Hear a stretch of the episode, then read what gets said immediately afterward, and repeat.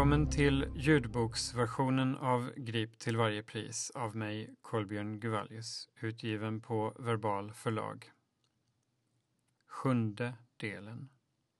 På bokbloggen griptillvarjepris.se finns en sida för varje avsnitt av podcasten som innehåller bildmaterial ur den tryckta boken.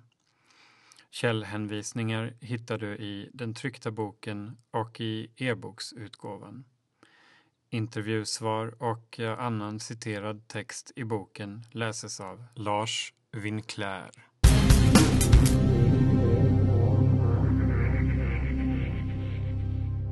Del 3 CSG avslöjas 2011 till 2012 ett sensationellt avslöjande. I november 2011 publicerar Svenska Dagbladet de första delarna av den artikelserie som kommer att avslöja några av huvuddragen i CSGs arbetsmetoder för första gången. Efter min bok Sätta färg på staden 2010 hade jag ett intresse av att följa debatten om nolltoleransen i Stockholm och när polisen meddelade att 16 personer hade gripits i samband med Riksteaterns internationella gatukonstkonvent Art of the Streets i augusti 2011 ville jag ta reda på omständigheterna. Hur omfattande var skadegörelsen? Hur starkt var sambandet till evenemanget? Art of the Streets hade bjudit in världsstjärnor inom graffiti och hade en stor allmän publik på totalt 5900 personer. Att 16 personer som skulle måla olagligt samma helg hade begett sig dit lät minst sagt sannolikt. Men siffran var låg i förhållande till besökarantalet. Ändå användes den som slagträ i debatten om lagliga graffitiväggar. Det här var beviset för att så kallade lagliga graffitiväggar inte fungerar. Knappt tre promille av besökarna kunde gripas för klotterbrott. När jag gick igenom polisanmälningarna om klotter för den aktuella helgen visade sig att samtliga gripanden var gjorda av CSG, och att koppling till evenemanget verkade saknas. Samtidigt kom jag över CSGs rapport från Art of the Streets som hade skickats till bland andra Stockholms stads trafikkontor eftersom de också anlitade CSG under evenemanget. Där hävdade de, tvärt vad som står i polisanmälningarna, att sambandet mellan skadegörelsen och evenemanget är styrkt. Det blev snart uppenbart att CSG hade arbetat civilt och spanat efter personer som inte hade begått något brott. Utifrån min research skrev jag och Tobias Brandel på Svenska Dagbladet de första artiklarna. Sedan strömmade nya vittnesmål in som ledde till fler artiklar. En del av det vi tog upp har jag redovisat tidigare här i boken tillsammans med tidigare okänt material.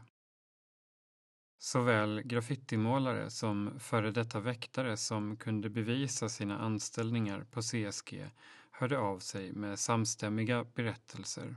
Dokumentation i form av polisanmälningar där regelbrott framgick, foton och videor som visade otillåtna arbetsmetoder. Vi kunde bara skrapa på ytan i artiklarna. CSG förnekade med Klotterkommissionens hjälp det uppenbara och fick i samma veva förlängt kontrakt med SL i upp till sex år. Väktarrapport skickas ut av polisen. Efter Art of the Streets 2011 skickar Jonas Elling från polisens klotterkommission ut ett brev till polisen på de orter som Riksteatern ska besöka med sin turné.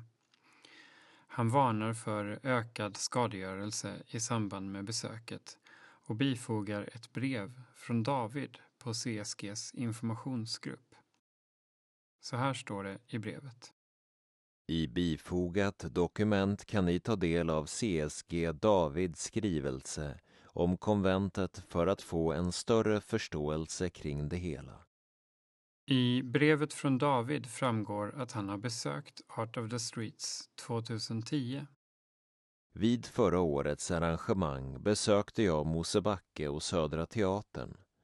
Det var för mig uppenbart vilken publik som arrangemanget lockade. Ett stort antal av de besökande identifierade jag omgående som aktiva klottrare som vid detta tillfälle dessvärre fortfarande är verksamma inom kollektivtrafiken i Stockholm.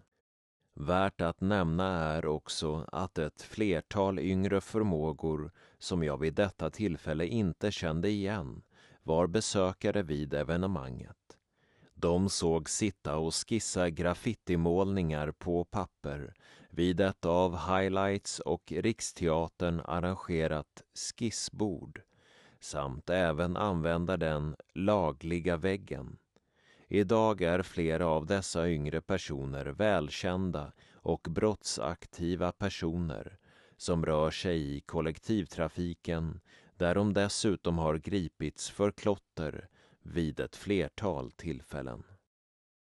David visar här att han har besökt Art of the Streets i syfte att samla information till CSG, alltså yrkesmässigt.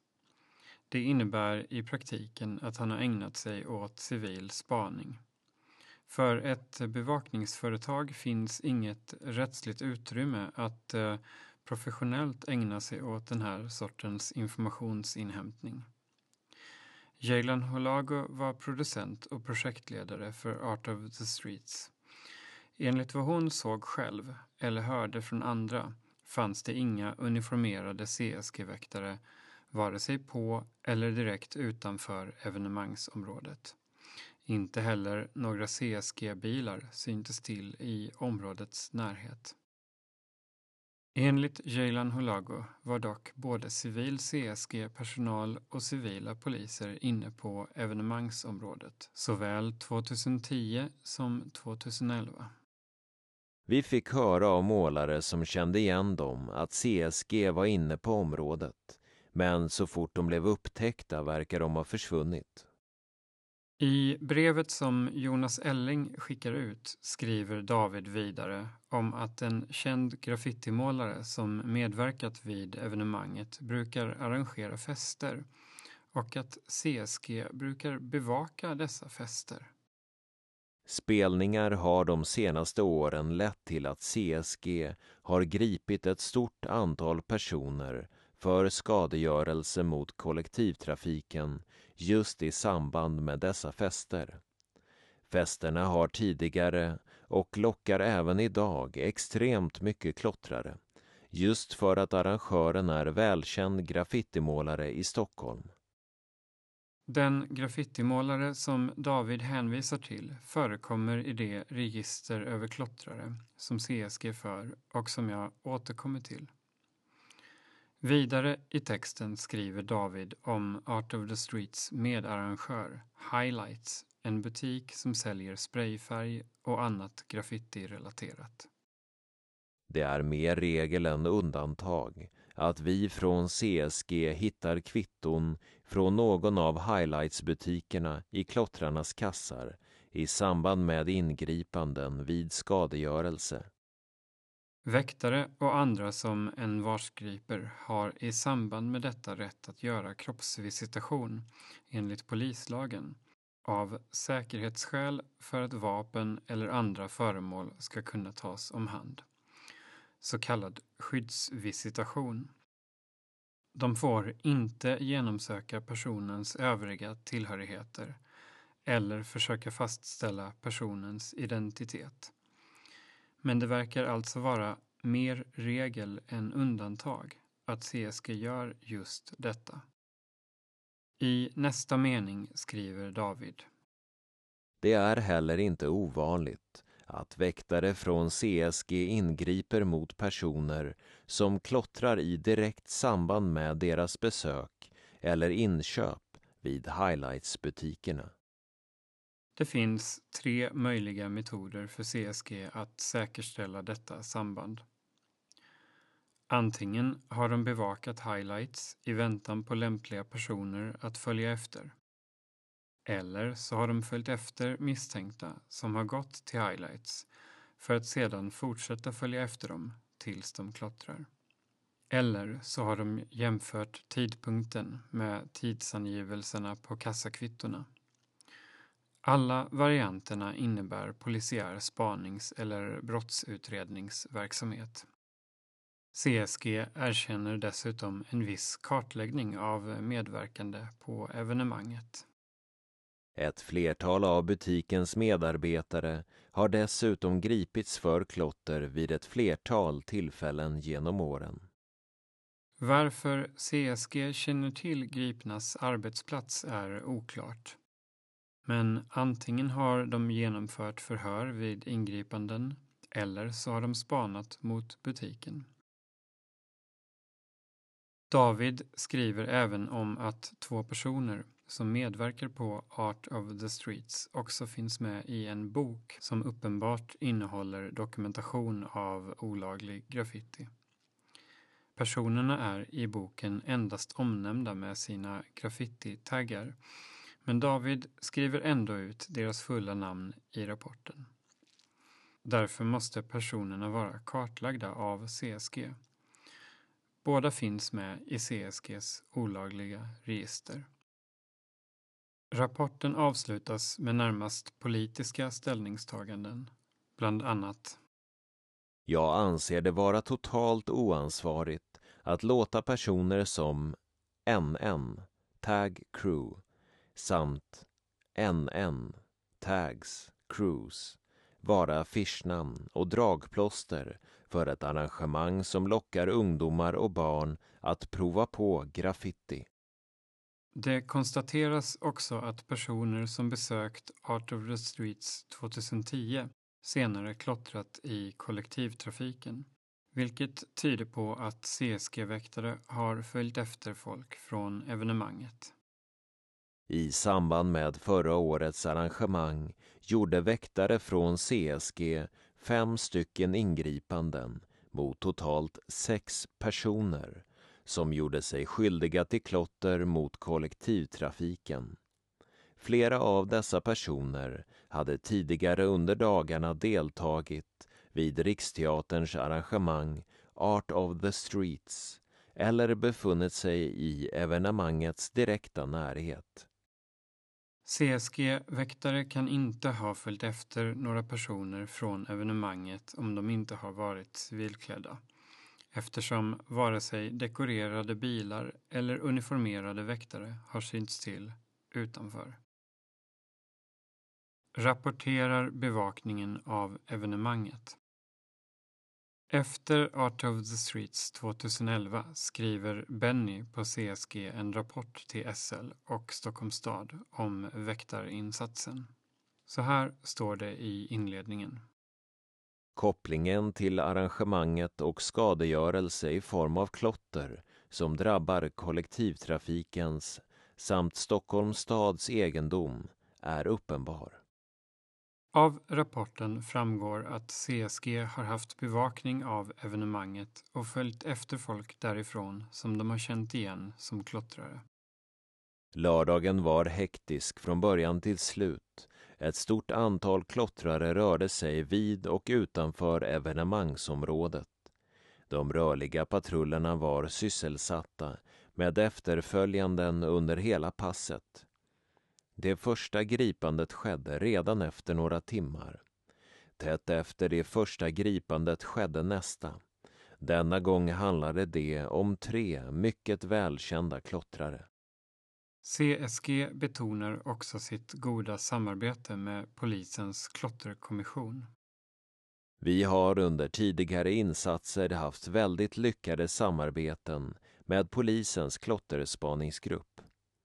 De har varit införstådda i graffitikulturen och även vårt sätt att arbeta, vilket har medfört att vi kunnat optimera resultaten och hjälpt polisen att följa upp gripärenden redan i ett tidigt stadium.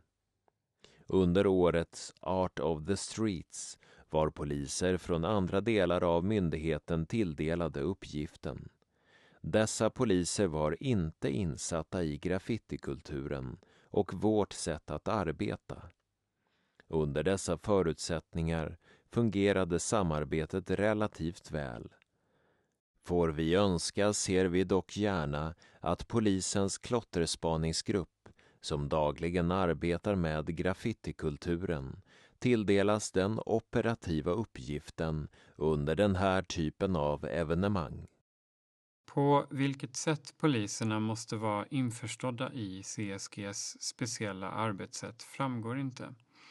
Men med tanke på att det verkar råda ett samförstånd mellan Klotterkommissionen och CSG om att väktarna arbetar civilt och följer efter folk i egenskap av spanare kan det mycket väl handla om att detta blir opraktiskt med andra poliser. De flesta poliser i yttre tjänst torde ju annars ha hyfsad rutin på att överta en varsgripanden.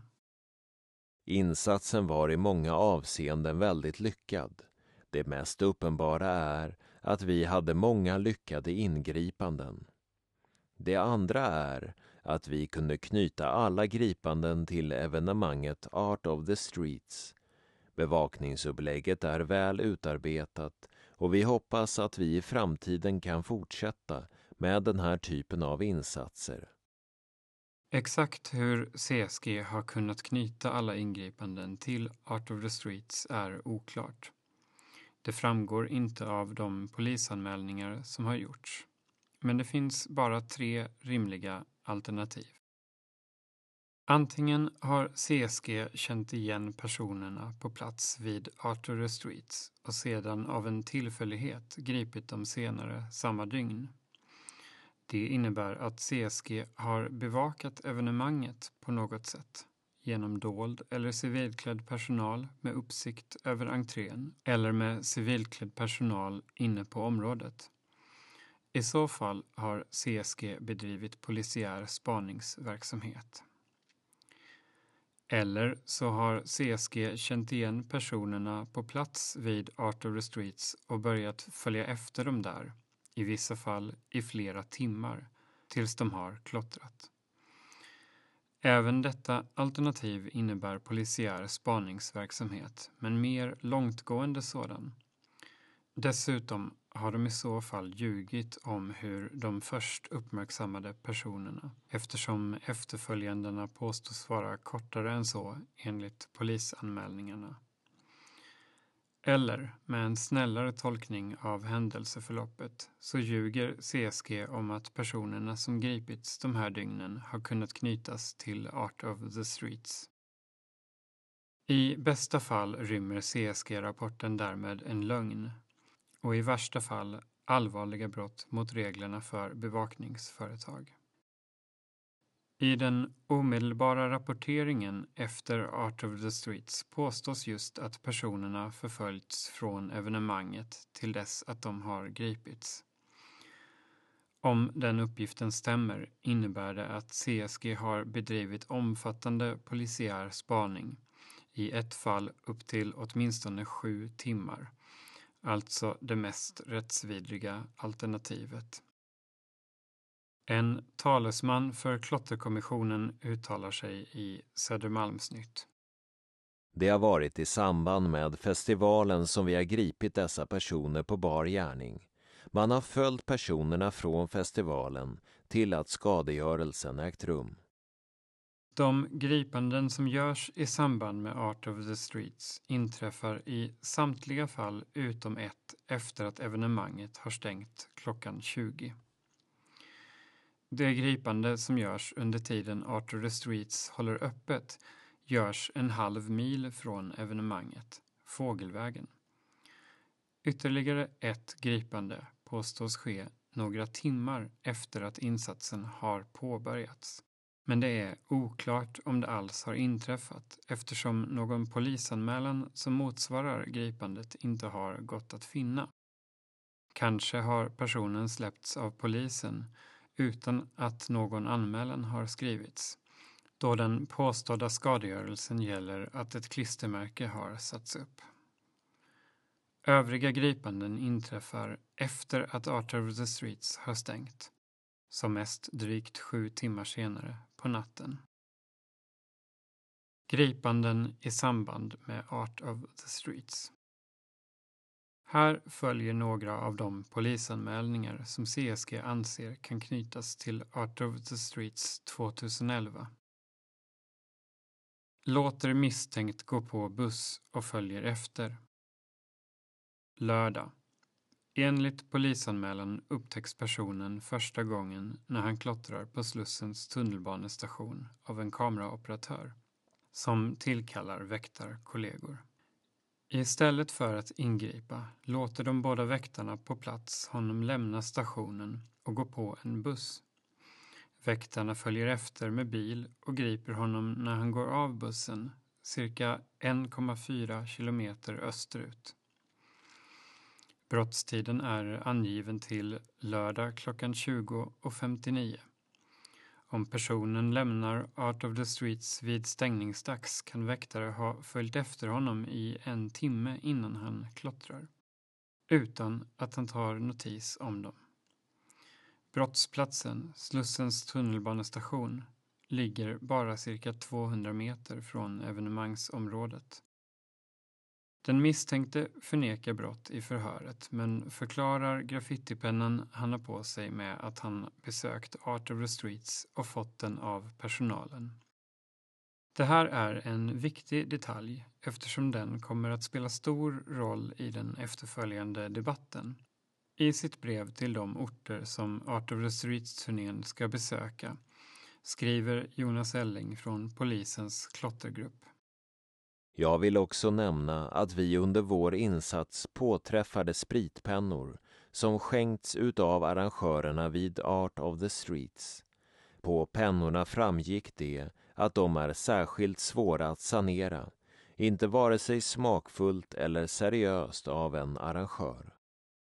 Riksteatern förnekar att några pennor har delats ut.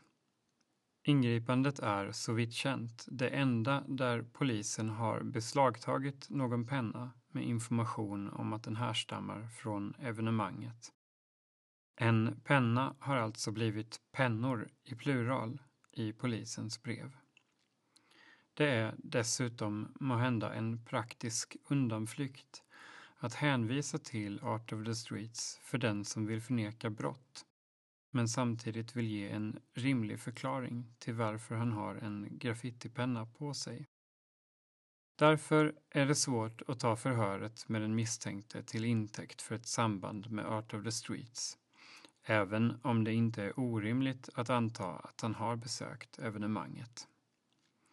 Den misstänkte hävdar också i förhör att han kliver ur en taxi när han grips, inte att han kliver av en buss.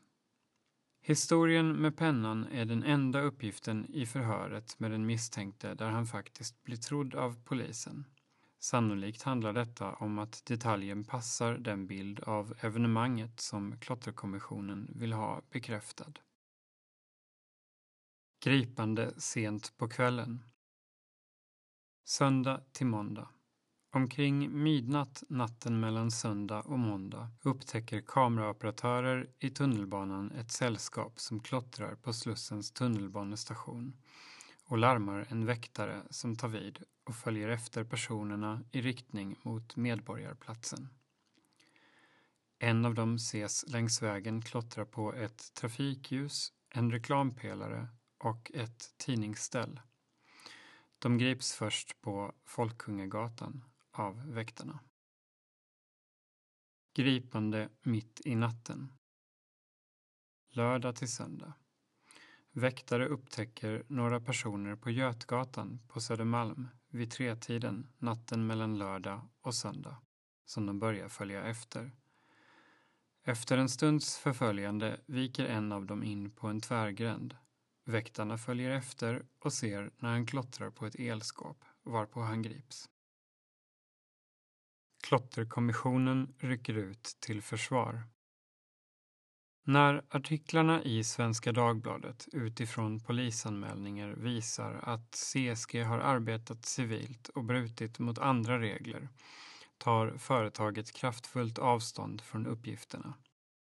I ett pressmeddelande får de dessutom överraskande eldunderstöd från polisinspektör Dan Östman, ledare för polisens klotterkommission. Det hela är ett missförstånd, meddelar Dan Östman, polisinspektör vid Stockholmspolisen. När en väktare griper en person för brott grips denne med lagstöd som kallas envars gripande, vilket innebär att envar, det vill säga alla, och inte bara polisen, har rätt att på bar gärning gripa en person som gör sig skyldig till ett brott där straffpåföljden kan bli fängelse. Väktaren anges ibland i polisanmälan som civil väktare eftersom hans rätt att gripa personer bygger på envarsprincipen. I den anmälan som har avsetts i massmedia har väktarna benämnts just på detta sätt trots att de har varit klädda enligt de regler som råder för väktare i tjänst.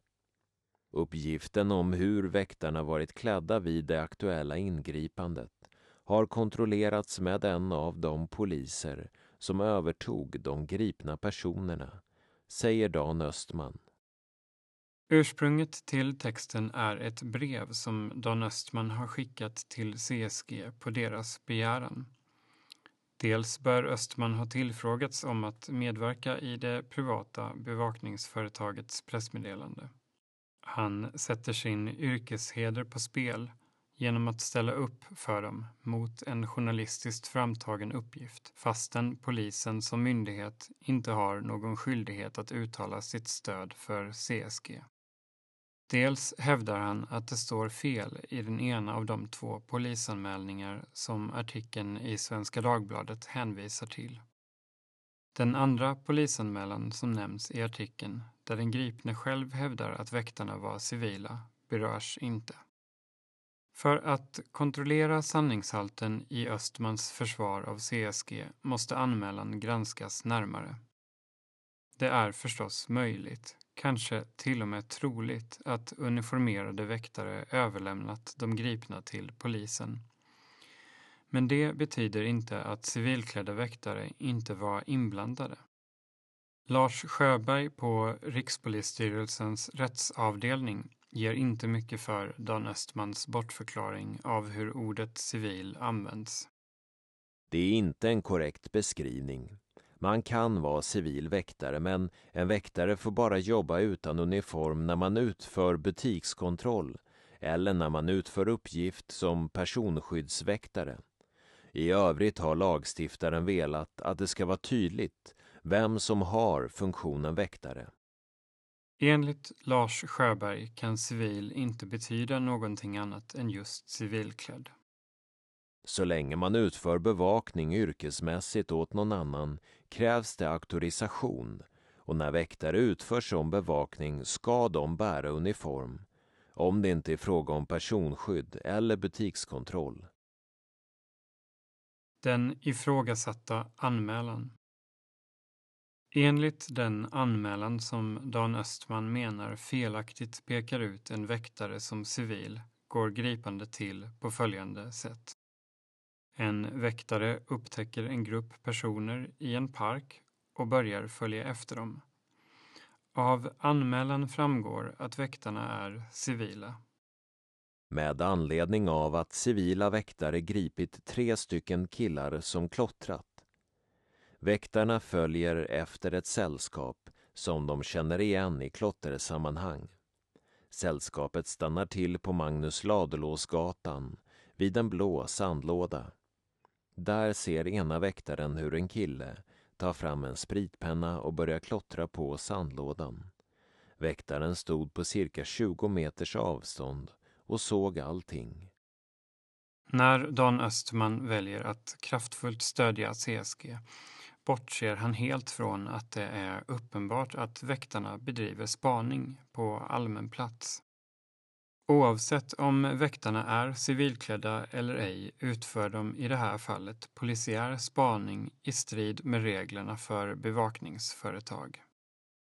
Att en uniformerad väktare kan övervaka klottrande så att han ser allting på 20 meters avstånd förefaller dessutom mycket osannolikt. Mer rimligt är att han faktiskt är civilklädd, eller så vittnar han falskt om vad han har sett. Eller båda dera. Så här står det i polisrapporten. Klas berättar att han jobbar som civil väktare som spanar mot klotterbrott. Denna kväll såg han ett sällskap i en park på Södermalm som han kände igen i klottersammanhang sedan tidigare. Killarna lämnar efter en stund parken och går mot Medborgarplatsen och Klas följer då efter dem. I höjd med Magnus Ladulåsgatan 63 ställer sig killarna vid en blå sandlåda. Klas ser hur en kille med rakat huvud och svart Adidasjacka eller tröja tar fram en spritpenna. De andra två killarna ställer sig och försöker täcka killen med svart Adidas tröja snedstreck jacka då han börjar klottra på den blåa sandlådan. Det är för Klas uppenbart att de hjälper killen i svart då de hela tiden ser sig omkring och vakar mot omgivningen. Klas står hela tiden cirka 20 meter från killarna och tappar aldrig uppsikten över dem. Att en väktare i uniform skulle ha följt efter sällskapet en längre sträcka utan att bli upptäckt förefaller också osannolikt. Dessutom är det alltså inte väktares uppgift att eh, börja följa efter människor de bara råkar se i en park. Om Dan Östman har läst anmälan i fråga bör han ha noterat allt detta. Ändå väljer han att ställa upp till försvar för CSG. Samtidigt är det med stor sannolikhet känt för Klotterkommissionen att CSG jobbar civilt. Det är allvarligt att en polis lägger sig i och försöker avfärda en journalistisk granskning på ett sätt som så uppenbart syftar till att vilseleda. Dan Östmans uppgifter återberättas dessutom senare av Stockholms stads trafikkontor som svar på kritiska frågor från det socialdemokratiska oppositionsrådet Thomas Rudin om CSGs uppdrag för kommunen. Dan Östman menar i efterhand att han handlade korrekt vid tillfället. Så här säger han. I och med att det är stick i stäv med det regelverk som finns så kollar jag upp det med de kollegor som övertagit gripet. Kan det ha varit civila väktare där som avvikit från platsen innan polisen tog över? Det har jag ingen aning om. Jag var ju inte där själv. Det enda jag kan gå på är vad de har sagt. Dan Östman har ingenting att säga om det avstånd mellan väktare och klottrare som uppges i anmälan. Inte heller om den spaning som föregår gripandet. Jag har inga synpunkter på det. Jag vet inte varför de gjorde det, om de kände igen dem eller någonting. Dan Östman håller med om att det som föregick brottstillfället låter som polisiär spaningsverksamhet, men har ändå inga synpunkter. Jag har ingen aning om hur de jobbar egentligen. Peter blir civil väktare. Peter är född 1988 och söker anställning som väktare efter lumpen, som många andra. När han börjar jobba på CSG 2010 vet han inte vad han ger sig in på. Jag kom direkt från värnplikten och hade varit i arméns jägarbataljon. Jag hade legat på spaning i lumpen. På anställningsintervjun på CSG är det meriterande. Vi tar in många som har legat som jägare och spanare i värnplikten, får han höra. Enligt Peter är personalomsättningen på CSG hög. Många börjar och många slutar.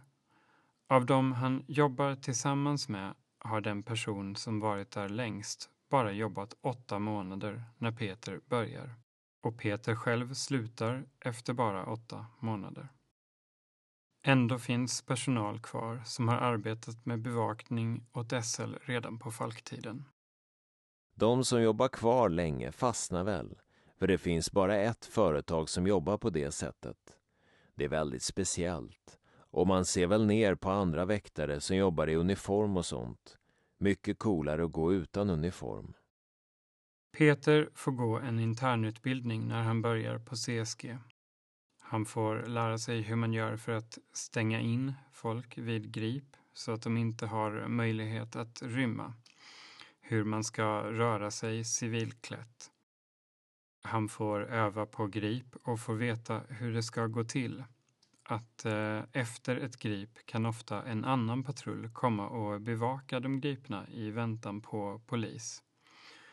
Under tiden kan de gripande väktarna gå iväg och prata ihop sig om hur allt gick till.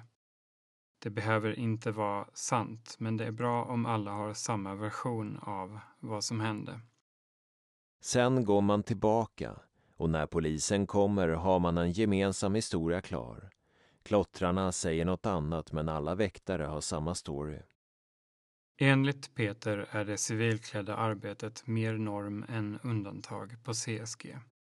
Och man kör mycket med sina civila bilar.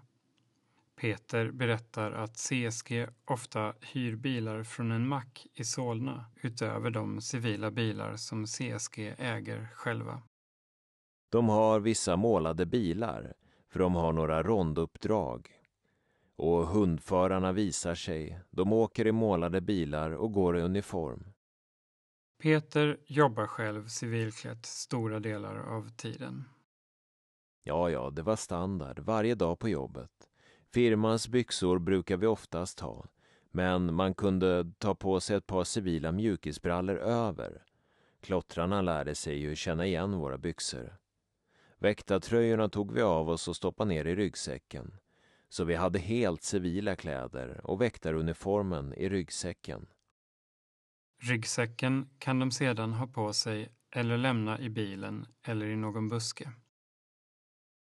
Peter berättar hur de ibland är uniformerade men att de om de upptäcker en klottrare snabbt kan byta om och börja följa efter dem i civila kläder.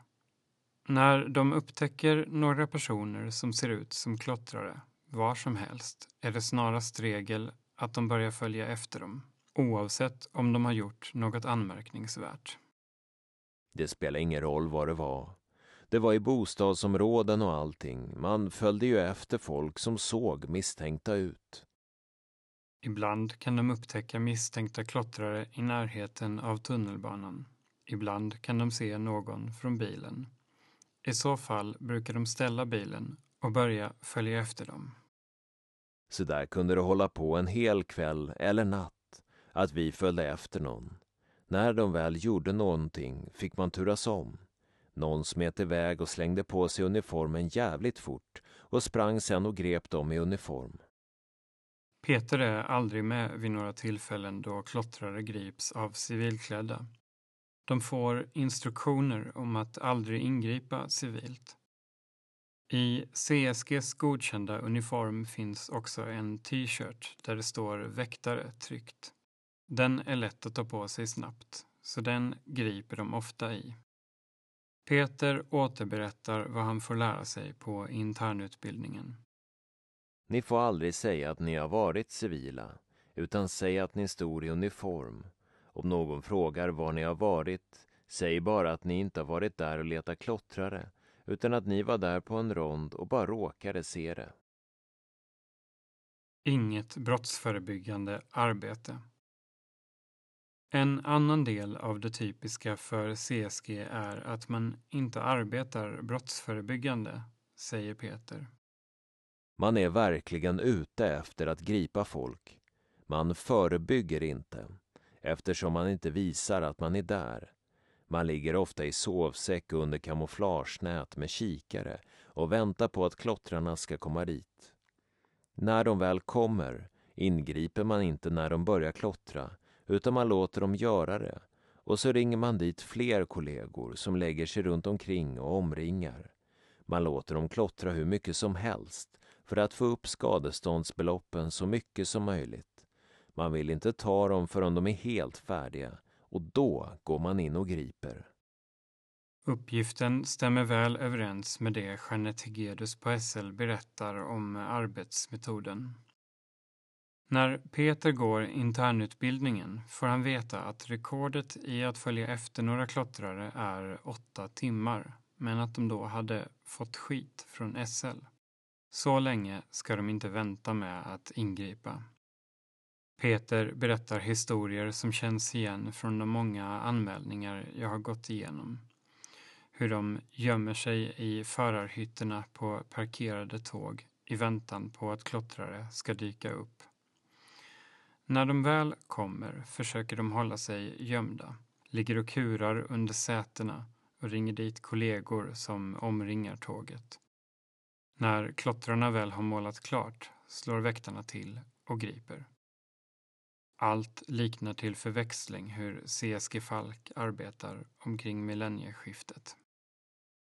CSG har tidigare nekat till alla påståenden, men Peter har väldigt svårt att tro att arbetssättet inte skulle vara känt inom hela organisationen. Det är ett väldigt litet företag och det är driftcheferna som har tagit fram det här. Det pratas hela tiden. Sommaren 2010 inträffar enligt Peter en incident som skärper kraven på väktarna. Några personer har försökt filma väktare som byter om. Det leder till att alla väktare behöver gå ytterligare en utbildning om hur man jobbar civilt utan att bli upptäckt. Alla var tvungna att ha uniform på sig tills de hade gått den utbildningen. Sen kunde vi börja byta om igen. Efter det blev vi också tvungna att ha uniform när vi lämnade kontoret och sen stanna efter vägen och byta om. Peter känner också till fall när CSG har arbetat med eh, brottsprovokation. Det var några från CSG som skulle bevaka ett tåg. De var civilklädda och sprang på spårområdet. Vi gick ju inte in med spårvästar som man ska göra utan hoppade över staket och gömde oss bakom tågen. När de kom fram till tåget var det ett gäng klottrare där, så de sprang in i varandra. Det här var klottrare från Polen, så de visste ingenting om CSG. Polackerna och väktarna frågar varandra vad de gör på platsen och polackerna berättar att de kanske ska måla tåget. Väktarna låtsas själva vara målare och säger att de kanske också ska måla.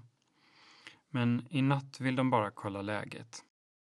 Polackerna är tveksamma och funderar på att avbryta. De tycker att platsen känns riskabel. Men väktarna uppmuntrar dem. De vill gärna hjälpa till att hålla utkik. De sa, ställ er och måla så håller vi koll åt er. De låter sig övertygas av väktarna och samtidigt som de låtsas hålla utkik ringer de efter kollegor och berättar exakt var de ska ställa sig. När polackerna är klara säger de till dem att gå åt det hållet med motiveringen att det är säkraste vägen ut. Då kommer väktare och hundförare rakt emot dem och griper dem. Det här berättades på ett utsättningsmöte. Alla brukar berätta om sina grip dagen innan. Det här var lite hysch-hysch på företaget. De stängde dörren och arbetsledaren sa att vi fick hålla tyst om det. Det var bara personerna i rummet som fick veta om händelsen.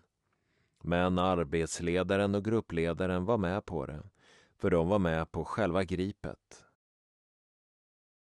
Fel metod för att upprätthålla lagen. Till slut tröttnar Peter och säger upp sig från CSG. Han vill inte längre ligga i snödrivor i skogen och spana. Idag tycker han att CSGs arbetsmetoder är fel. Det känns fel att ett bevakningsföretag som ska upprätthålla lagen bryter den mer än klottrarna. Det är fel metod, det är fel väg att gå. De får ju fast klottrarna, men varför skulle CSG vara så bra på det de gör om de inte bröt mot reglerna? Alla andra bevakningsföretag som är mycket mer erfarna misslyckas och så kommer CSG att lyckas. Fler före detta CSG-väktare vittnar i en artikel i Svenska Dagbladet och ger alla en samstämmig bild, oberoende av varandra. Så här säger Anders i tidningen. När jag hämtade ut min utrustning första dagen fick jag veta att det är lämpligt med en enfärgad tröja att ha över uniformen för att dölja att det stod väktare. Precis vid ingripanden skulle man ta av sig plagget så att det såg ut som att man haft uniformen hela tiden. Man arbetar nästan uteslutande civilt. Han berättar att vid stora grip kan det bjudas på tårta på företaget. Så här berättar Mats. Efter ett gripande snackar man ihop sig innan polisen kommer. Det förekommer systematiskt att väktare ger falska versioner i rättegångar. Väktaren Anders bekräftar också den nära relationen mellan Klotterkommissionen och CSG. Det finns ett samarbete med polisens klottergrupp. Det händer ofta att civilklädda väktare åker med i polisbilar. Det har även förekommit att polisen gett CSG namn på graffitimålare. Ännu fler före detta väktare hör vid tiden för artiklarna av sig med likartade berättelser via e-post. Samtliga som jag tar i beaktande styrker sina anställningar med anställningsavtal eller lönebesked. Någon skickar även med foton på gripna och till och med en video från ett gripande. Efter artiklarna. Ett pressmeddelande utåt, ett krismöte på insidan. Efter publiceringen i Svenska Dagbladet kallas alla CSG-anställda in på krismöte, berättar före detta väktaren Peter. Han har då ännu bekanta som jobbar kvar i företaget och nås av vad som händer. Alla väktare fick åka in den natten och så hade de ett möte om det här. De pratade om att ni hade publicerat artikeln och att de måste vara mer försiktiga. Tänk på vad ni gör, byt om försiktigt och sånt. Inte sluta byta om, utan gör det mer försiktigt. Samtidigt förnekas alla påståenden om civila väktare i offentliga uttalanden. Så här skriver CSG i ett pressmeddelande som skickas ut efter de första artiklarna i Svenska Dagbladet. Dessa påståenden stämmer inte. Vi på CSG är ett auktoriserat bevakningsföretag och arbetar efter de lagar och förordningar som styr arbetet i bevakningsbranschen. Regelverket kring när en väktare får uppträda civilt är tydligt och våra instruktioner och processer i företaget är glasklara. Utför vi bevakning så bär vi uniform, säger Anders Nyberg, VD på CSG. CSG påstår att de tar kritiken på allvar. När granskningen i Svenska Dagbladet återupptas i januari 2012 presenterar vi ytterligare belägg för att CSG arbetar civilt, främst genom fler polisanmälningar. Företaget kommenterar den här gången lite mer defensivt på sin blogg. Jag vill poängtera att företagsledningen tillsammans med samtliga medarbetare på CSG tar den här kritiken på största allvar. Vi kommer att utreda samtliga händelser som SvD har skrivit om i sin artikel i syfte att säkerställa om felaktigheter har begåtts. Om det finns brister i verksamheten ska dessa rättas till. Artiklarna beskylls visserligen i inlägget för att vara onyanserade. Men företaget har kanske insett att bevisningen mot dem är alltför uppenbar för att helt förnekas.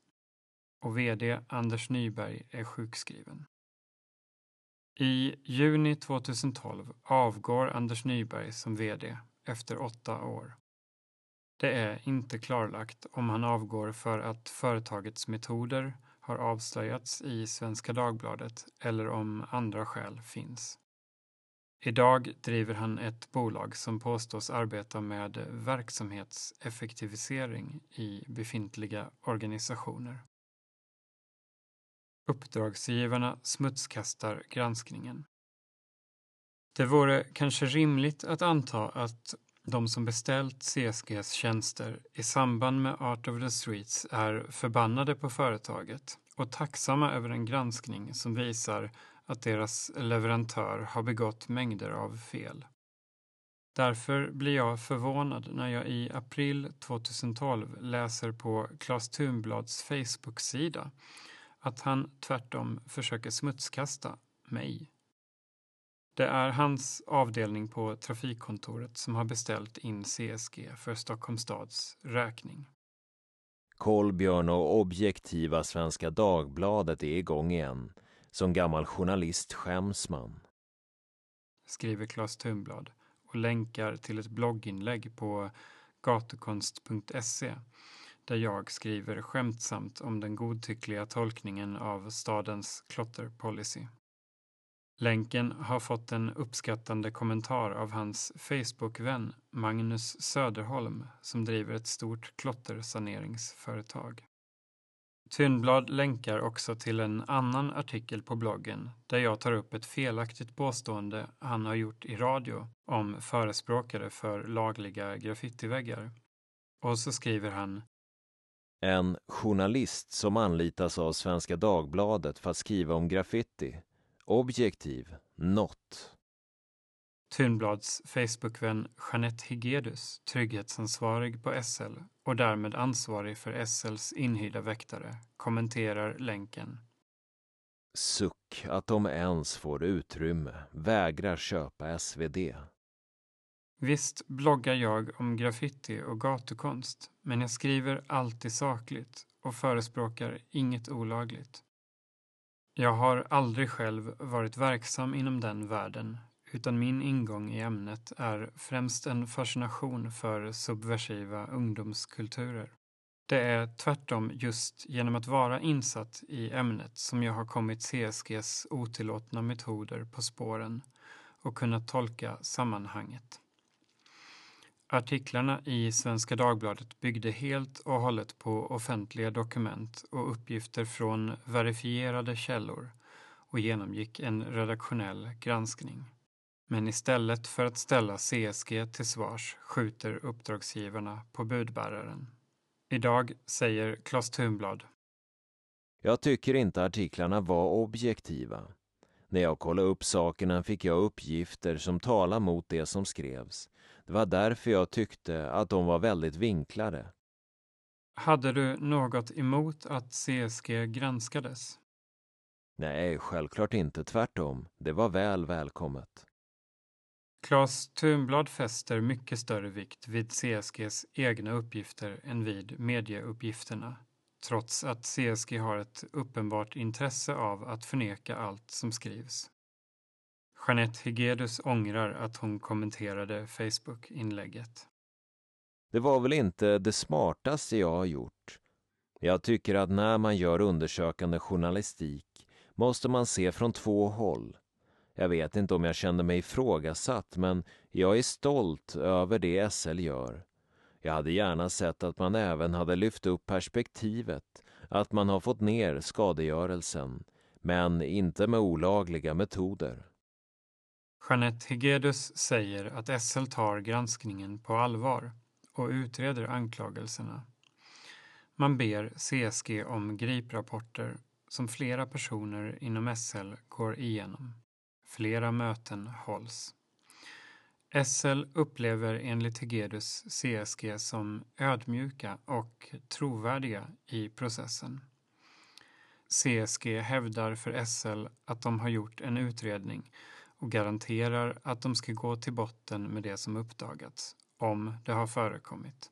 Det är också ungefär vad CSG skriver på sin blogg i januari 2012. Jeanette Hegedus säger Det diskuterades bland annat om det fanns en gråzon där de gjorde saker som SL inte kände till. Om det fanns saker som en journalist tagit upp så tog SL hänsyn till detta. SL gjorde också många egna uppföljningar. Två dagar före Facebookinläggen signerar Claes Thunblad en skrivelse som blir Trafikkontorets officiella svar på en fråga från det socialdemokratiska oppositionsrådet Thomas Rudin om de civila väktarna. Han vill veta vilka åtgärder som har vidtagits av staden med anledning av rapporteringen. I skrivelsen redogör Claes Thunblad för hur han har frågat CSG och Polismyndigheten i Stockholms län om väktarna arbetar civilt. Bevakningsföretaget förnekar förstås och poliskällan är troligen Dan Östman om man jämför med hans formulering om vad civil väktare betyder i CSGs pressmeddelande. Så här skriver Claes Thunblad. Kontakt har också tagits med Polismyndigheten i Stockholms län som uppger att civil väktare är en benämning som ibland anges i polisrapporter då väktarbolag genomför grip. Detta innebär dock inte att väktaren burit civil klädsel utan är en benämning på väktare i allmänhet. I och med detta avslutar Claes Thunblad ärendet. Allt i Svenska Dagbladets granskning som stödjer den civila bevakningen lämnas helt utanför, liksom övrig kritik mot företaget som framkommer i artiklarna. Jag frågar Claes Thunblad om han inte själv var mycket selektiv i valet av källor när han bara hänvisade till CSGs egna uppgifter och till vissa poliskällor, men helt bortsåg från uppgifterna i Svenska Dagbladet. Det vill han dock inte svara på. Istället hänvisar han till att han idag har slutat arbeta för Stockholms stad. Claes Thunblad är inför valet 2014 Socialdemokraternas toppnamn i Järfälla kommun och kandiderar till posten som kommunstyrelsens ordförande. De saker jag gjorde då i min tjänst står jag naturligtvis för, men det handlar inte om mig som person. Claes Thunblad påpekar att kommunen anlitade CSG i mycket liten omfattning och endast vid enstaka tillfällen. Han tycker att frågorna snarast bör ställas till SL. I den lilla skala vi anlitade väktare så fick man inte jobba civilt. Har de gjort det så är det inte okej. Okay. Då måste det föranleda åtgärder. Kände du till att CSG jobbar civilt? Nej, tvärtom. Alla uppgifter var att man inte gjorde det. Det motsades ju. Du är bestämd med att du inte känner till något om det? Påståendet var att de jobbar civilt och det sa de själva att de inte gjorde. Något annat kan jag inte gå på. Har de brutit mot det så har de brutit mot vårt avtal. När strålkastarna slocknar. Kanske är det bara granskningen som får människor att uppmärksamma frågan. Men vittnesmål når mig från flera personer om att uniformerade väktare från CSG plötsligt blir mer synliga i tunnelbanan. På Youtube dyker ett klipp upp med rubriken CSG visar upp sig nu när skandalen är ett faktum. Och kanske är det för att det inte längre skrivs om dem som folk slutar tänka på dem men samma personer vittnar om att CSG-väktarna börjar bli mindre synliga igen när uppmärksamheten i medierna börjar lägga sig. Hur som helst tycks frågan om de civila väktarna falla i glömska och begravas i en lång utredning på Länsstyrelsen.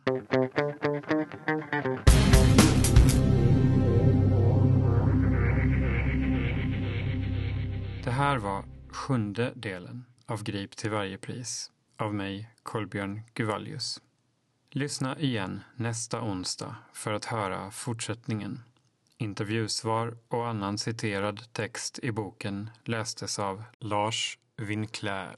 På bokbloggen griptillvarjepris.se finns en sida för varje avsnitt av podcasten som innehåller bildmaterial ur den tryckta boken.